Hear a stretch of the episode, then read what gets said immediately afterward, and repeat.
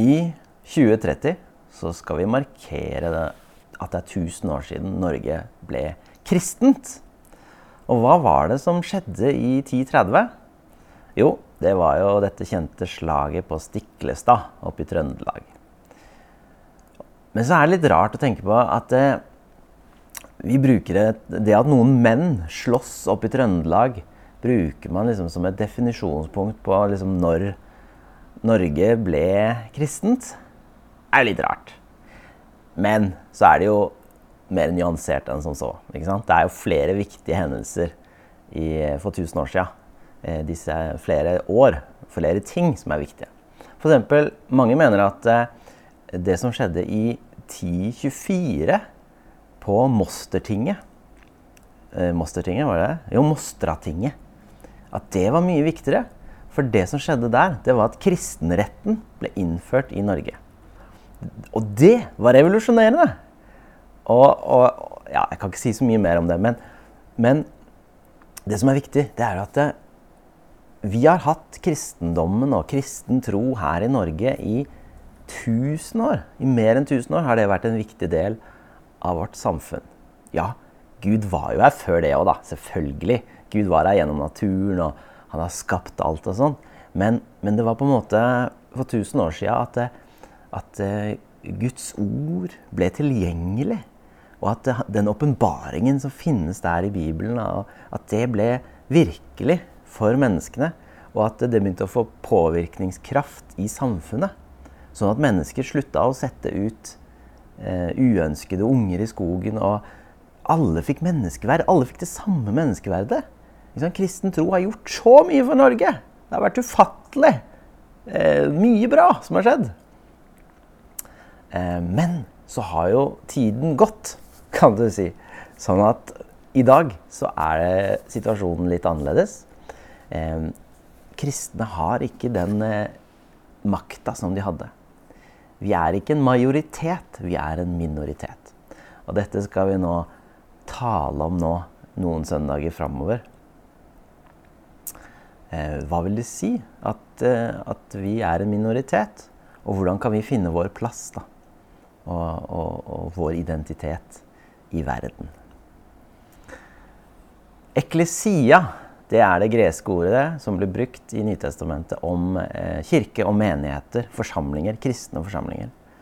Egentlig ble det brukt om utkalte byforsamlinger som møttes i, i byporten. Eh, det var menn, selvfølgelig, og så, så, sånn som det var. Som, som, møttes som et råd, eh, som tok opp forskjellige ting. Snakka sammen og eh, vurderte ting og tok avgjørelser. Man kunne spørre om råd og mye sånne ting. Så det var opprinnelsen til ordet. Men, men eh, i Nytestamentet blir det brukt om de kristne som er utkalt, som samles.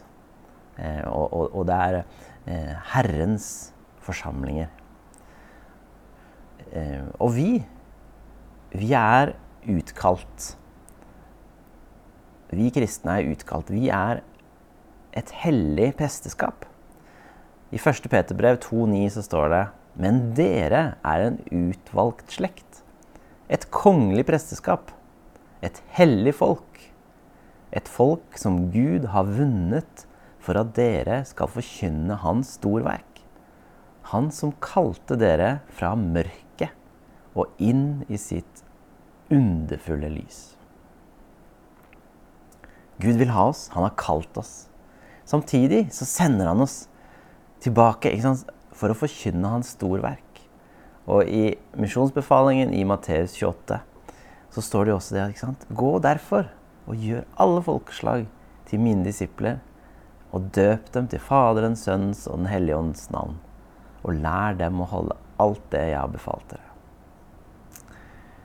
Så dette er en sånn dobbelthet. Vi er, vi, er, er kalt ut, vi skal være hellige, annerledes. Samtidig så skal vi være til stede i verden for å dele, for å forkynne dette her fantastiske som Gud har gjort. Og hvordan ser dette ut i 2022? Hvordan ser det ut i Vennesla?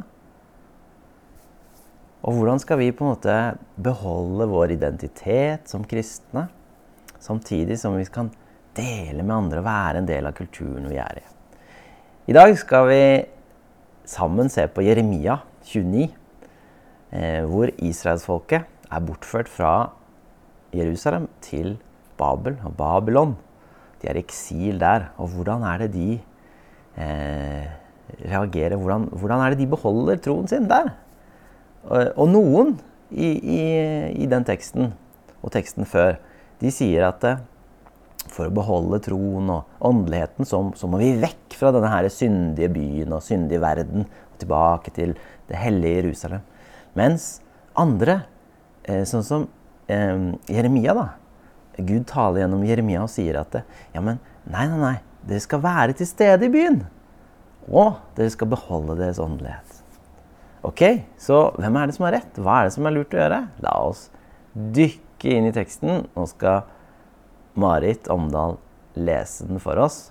Og så kommer vi tilbake etterpå. Skal, se, skal jeg si litt mer om det. Jeg skal lese fra Jeremia kapittel 29 vers 1 14. Dette er ordene i brevet som profeten Jeremia sendte fra Jerusalem til de eldste som var igjen i eksil, til prestene, til profetene og til hele folket som Nebukaneser hadde ført i eksil fra Jerusalem til Babel. Det var etter at kong Jekonja hadde forlatt Jerusalem sammen med kongemoren, hoffmennene lederne i Juda og Jerusalem, håndverkerne og smedene. Han sendte brevet med Elasa, sønn av Shafan, og Gemaria, sønn av Hilkia, og judakongen Sidkia sendte til Babelkongen som judakongen Sidkia sendte til Babelkongen Nebukaneser i Babel. Så sier Herren over herskarene, Israels Gud, til alle som jeg har ført i eksil fra Jerusalem til Babel. Bygg dere hus og bo i dem. Plant dere hager og spis frukten. Ta dere koner og få sønner og døtre. Ta koner til sønnene og gift bort døtrene deres så de kan få sønner og døtre. Der skal dere bli flere og ikke færre. Dere skal fremme fred for den byen som jeg har ført dere til i eksil, og be til Herren for den. For når den har fred, har også dere fred. Så sier Herren over herskarene. Israels Gud, la dere ikke narre av profetene og spåmennene som er hos dere. Og hør ikke på drømmerne, på drømmene dere drømmer. For de profeterer løgn for dere i mitt navn. Jeg har ikke sendt dem, sier Herren. Så sier Herren, når 70 år er gått for Babel, skal jeg se til dere. Da skal jeg oppfylle mine gode løfter for dere og føre dere tilbake til dette stedet. For jeg vet hvilke tanker jeg har med dere, sier Herren. Fredstanker og ikke ulykkestanker. Jeg vil gi dere framtid og håp. Når dere kaller på meg og kommer for å be til meg, vil jeg høre på dere. Dere skal søke meg, og dere skal finne meg. Når dere søker meg av et helt hjerte, lar jeg dere finne meg, sier Herren. Så vil jeg vende skjebnen for dere og samle dere fra alle de folkeslag og steder som jeg har drevet dere bort til, sier Herren.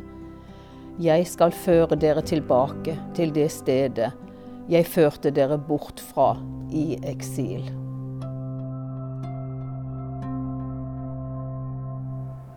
Kongeriket Judea er inntatt av de mektige babylonerne.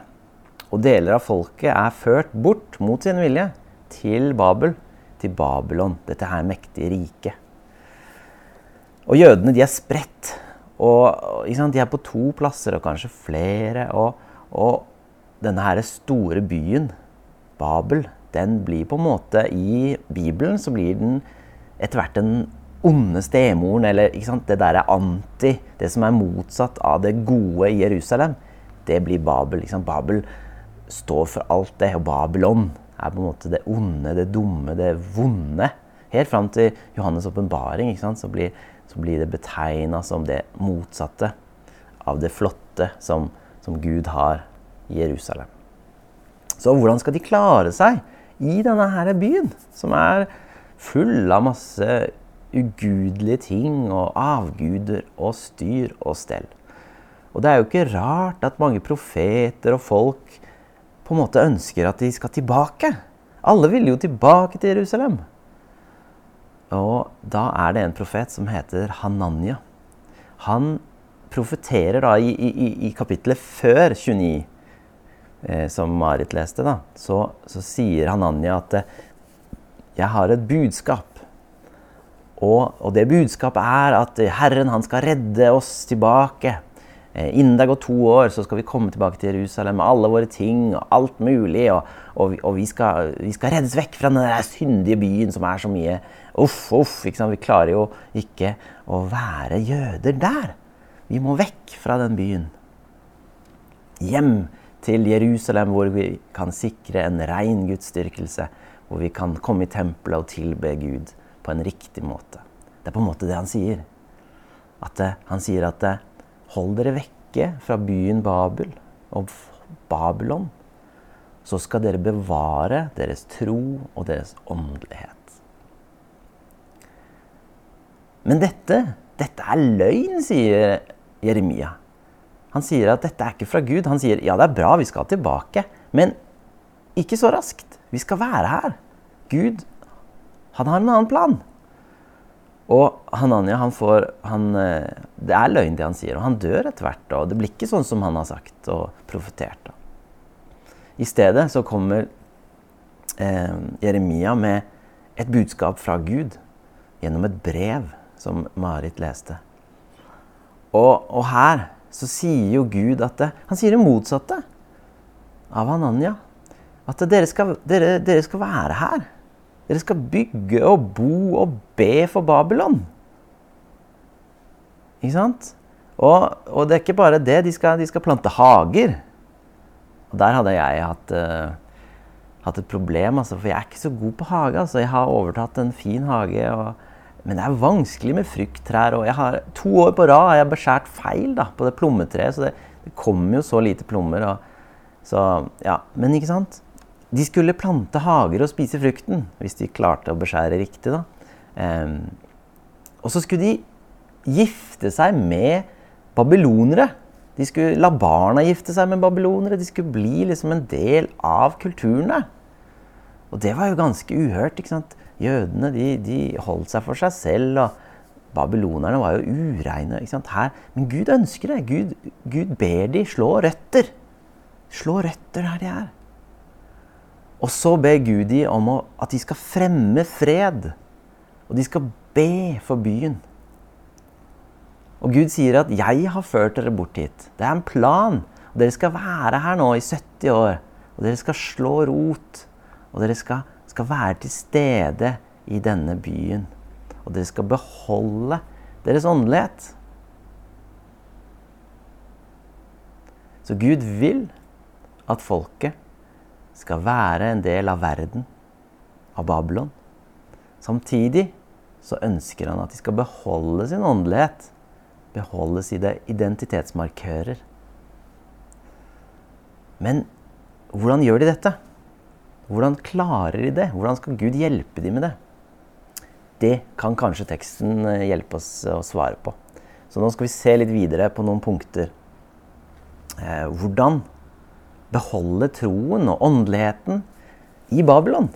Eller vår, eh, i vårt tilfelle i en postkristen eh, kultur.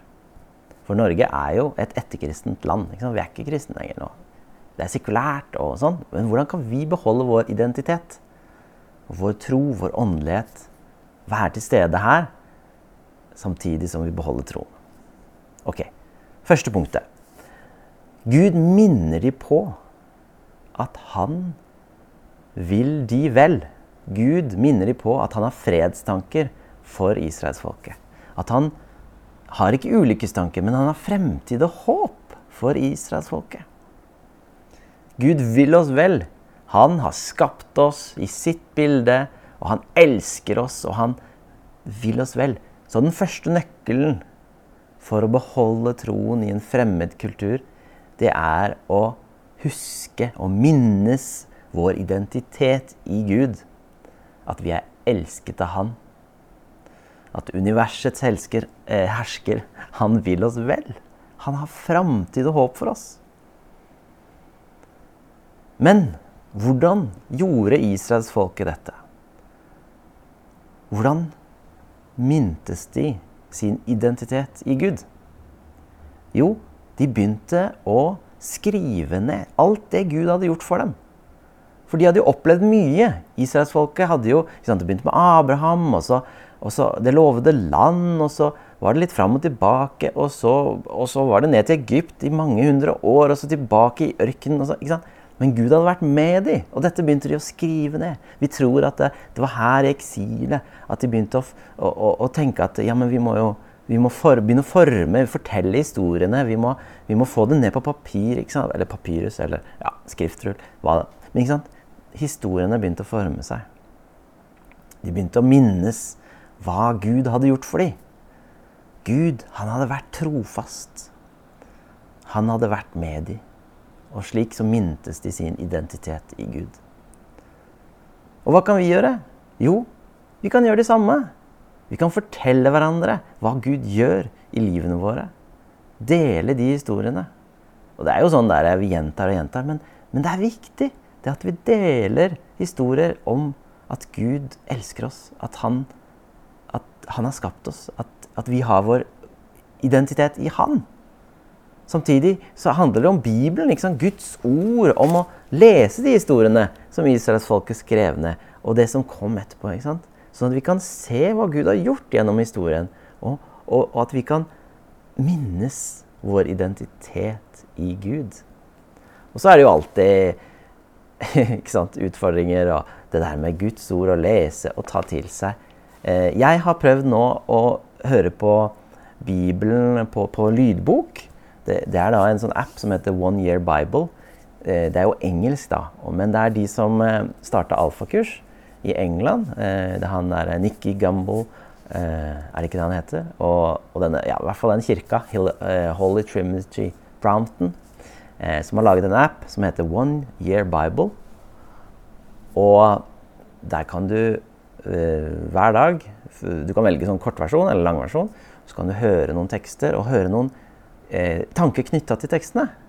Og det, den versjonen jeg har valgt, er sånn 23 minutter, 25 minutter hver dag. Og, og så kan du høre gjennom eh, Bibelen. da.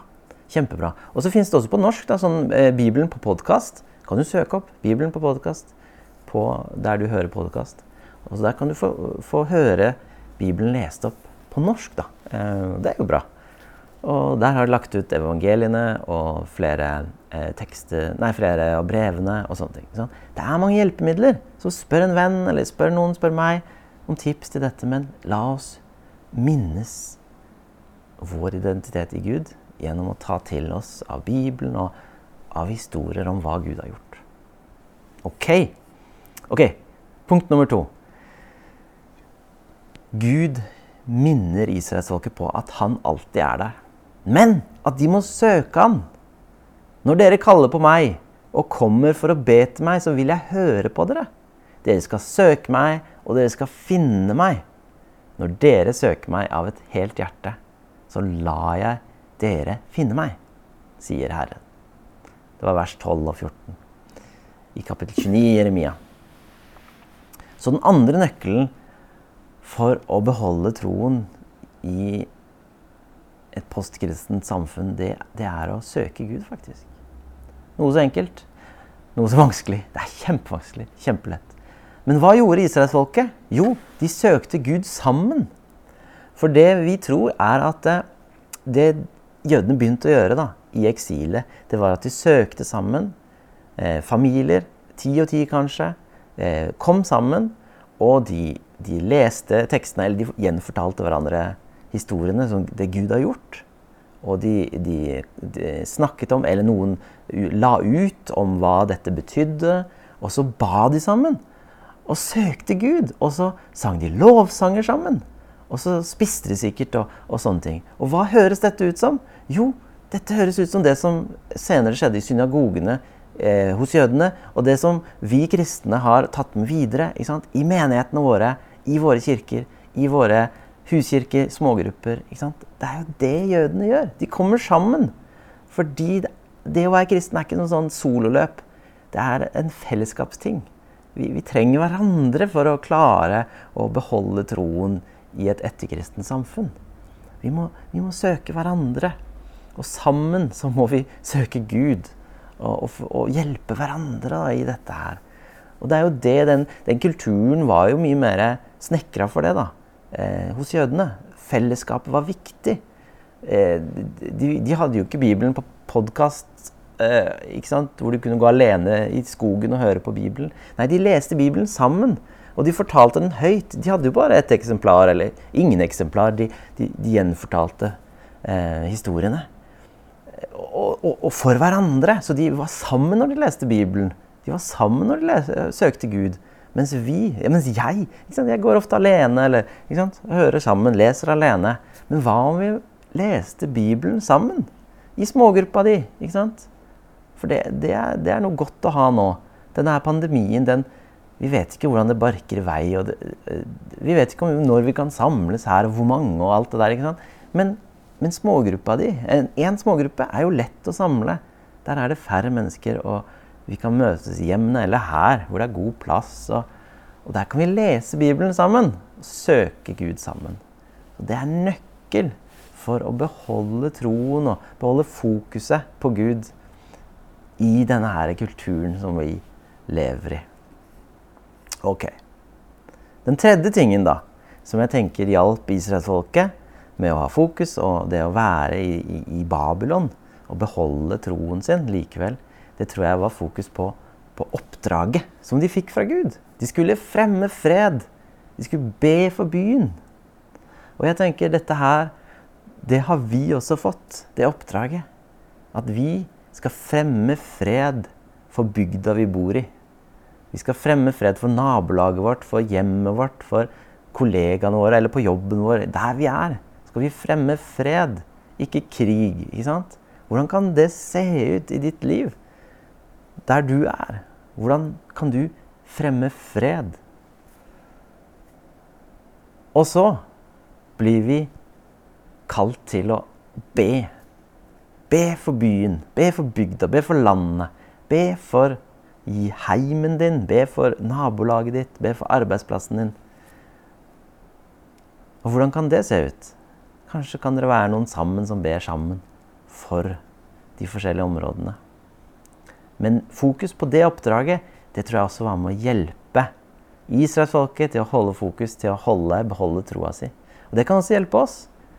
Vi er ikke her av en tilfeldighet. Vi er her av en grunn. Gud har satt oss her. Han har gitt oss et oppdrag.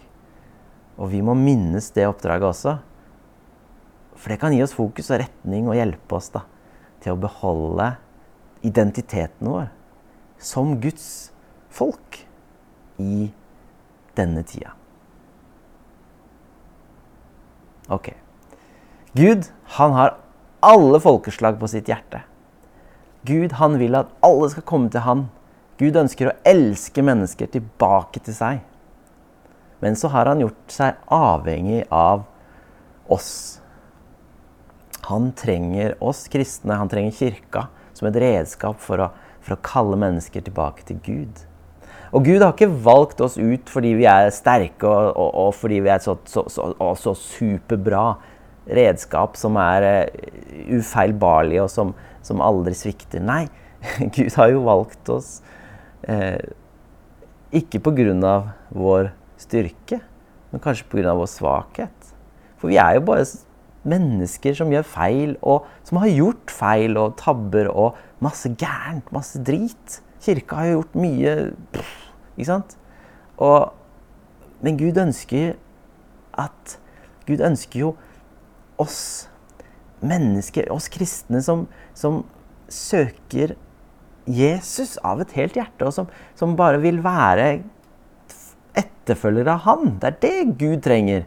Det er det redskapet han trenger. Det er, det er, det er den kirka han trenger. En kirke som, som, ønsker å følge Jesus og være lærersveinar av han. Som ønsker å gå med Jesus, og som ikke er perfekte, men som innser sin egen svakhet. Men som innser at de trenger Jesus. Gud vil ikke ha perfekte mennesker, men mennesker som vender hjertet sitt mot den perfekte Jesus og følger han. Og vi, vi kan lære fra israelsfolket og fra Gud da, at det, hvordan vi kan gjøre dette oppdraget. Jo, vi kan minnes vår identitet i Gud. I Hans ord så kan vi minnes det. Og vi kan søke Gud sammen som et kristent fellesskap. Å dele troa og gå sammen. Og så, så kan, vi, kan, vi, sammen fremme fred og gjøre oppdraget med å be og Dele de gode nyhetene der vi er satt. Etter at Jesus gjorde det han gjorde på korset, han døde, sto opp igjen og åpna veien til Gud, så har det blitt lettere å få kontakt med Gud. og, og, og, det er enklere å, å, å, tilbe Gud, fordi vi trenger ikke å møtes fysisk i et bygg, i et tempel, for å hylle Gud. Men Den hellige ånd Vi har fått Den hellige ånd. Og vi kan tilbe Gud der vi er. Vi er Guds tempel. Vi er Guds hellige folk. Der vi samles, to eller tre, ikke sant? så er Gud med oss. Og Gud og Den hellige ånd, Jesus, vil hjelpe oss i å bevare troen, i å være i verden og bevare troen. Og, og han vil gå med oss og, og, og ta oss med videre i dette. Oi, oi, oi. Jeg inviterer deg til å bli med videre i, i denne taleserien. Eh, vi skal prøve oss å legge ut noe sånn gruppeopplegg. Litt sånn eh, resymé av talene og litt sånn spørsmål til samtale. Så bruk det i smågruppa di, og vær med og utforsk dette her med hva vil det si at vi er en minoritet. OK? Amen.